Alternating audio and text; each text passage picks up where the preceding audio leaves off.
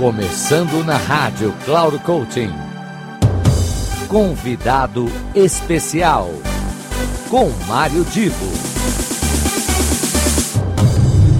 Começo por mandar um grande abraço a todos os ouvintes. Estamos aqui, eu, Mário Divo, com a Natália Marques, hoje a nossa convidada especial, para uma apresentação que eu tenho certeza irá agradar a todos vocês. Ela vai abordar, vai dar algumas dicas aqui, ela que é especialista, em como você pode desenvolver práticas para ter mais resiliência na gestão de momentos de estresse. Vamos ouvir a Natália e eu volto depois para os meus comentários finais. Em primeiro lugar, quero agradecer à Rádio Gold Coaching e a você, Mário Divo, por este convite.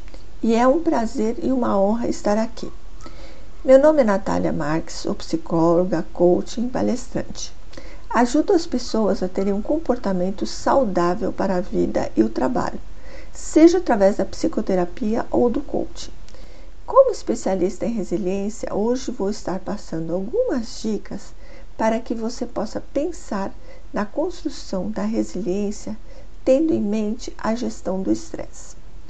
Nós sabemos que as exigências do mundo moderno se multiplicam, seja na vida pessoal ou na profissional, e pode levar a doenças físicas ou emocionais decorrentes do excesso de estresse. Cada vez mais recebo clientes buscando alternativas para tornar a sua vida mais saudável e harmoniosa.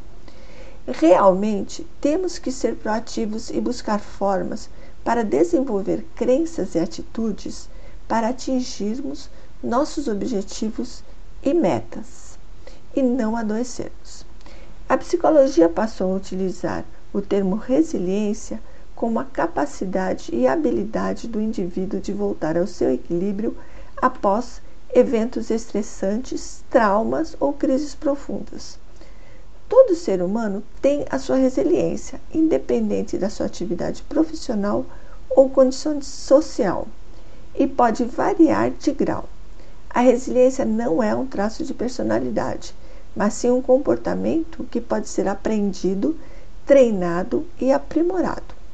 O fato é que estamos sempre no nosso limite. E nas, nas situações de adversidade, descobrimos que nosso potencial é ilimitado, não é verdade?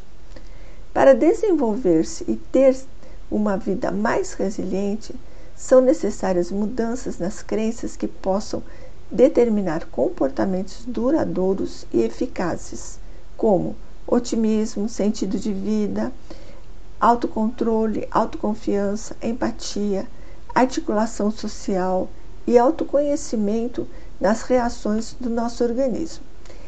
Estar resiliente é conquistar a capacidade de ressignificar o seu projeto de vida sempre que necessário e culmina com ter atitudes coerentes e flexíveis, procurando transformar as adversidades em crescimento, amadurecimento e fortaleza. Ter resiliência, acima de tudo, ter flexibilidade, como o bambu que se verga diante do vento sem se quebrar. É ter a tal sabedoria para poder lidar com as adversidades da vida. É escolher o caminho do meio. Tanto na psicoterapia para desenvolvimento pessoal, como no coaching, a resiliência é uma ferramenta que pode auxiliar no caminho da construção e desenvolvimento pessoal e profissional, com menos estresse.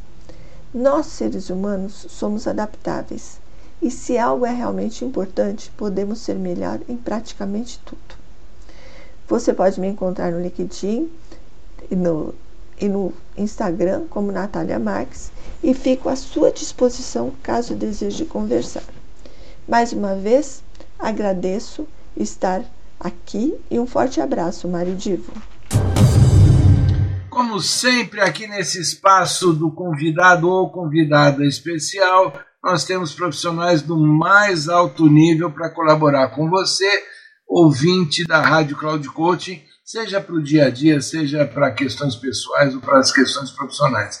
E eu, como sempre falo e vou repetir, não deixe também de acompanhar cada um deles dentro da plataforma Cloud Coaching, onde nós temos a, a produção de conteúdos e muitas postagens que certamente irão também atender o interesse de vocês. Conto com a presença de todos na Rádio Cloud Coaching em toda a nossa programação e particularmente na semana que vem com mais um convidado ou convidada especial. Até lá.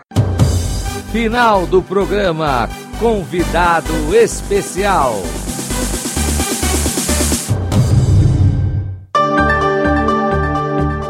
Se ligue! Semanalmente você ouve o programa Convidado Especial, sempre na segunda-feira às 15 horas, com reprise na terça às 5 e meia da tarde e na sexta-feira às 10 horas da manhã. Quem será nosso convidado ou nossa convidada? A surpresa é nossa e a revelação e apresentação de Mário Divo, sempre aqui na Rádio Cloud Coaching. Acesse nosso site radio.cloudcoaching.com.br. Confira toda a programação e baixe nosso aplicativo na Google Store.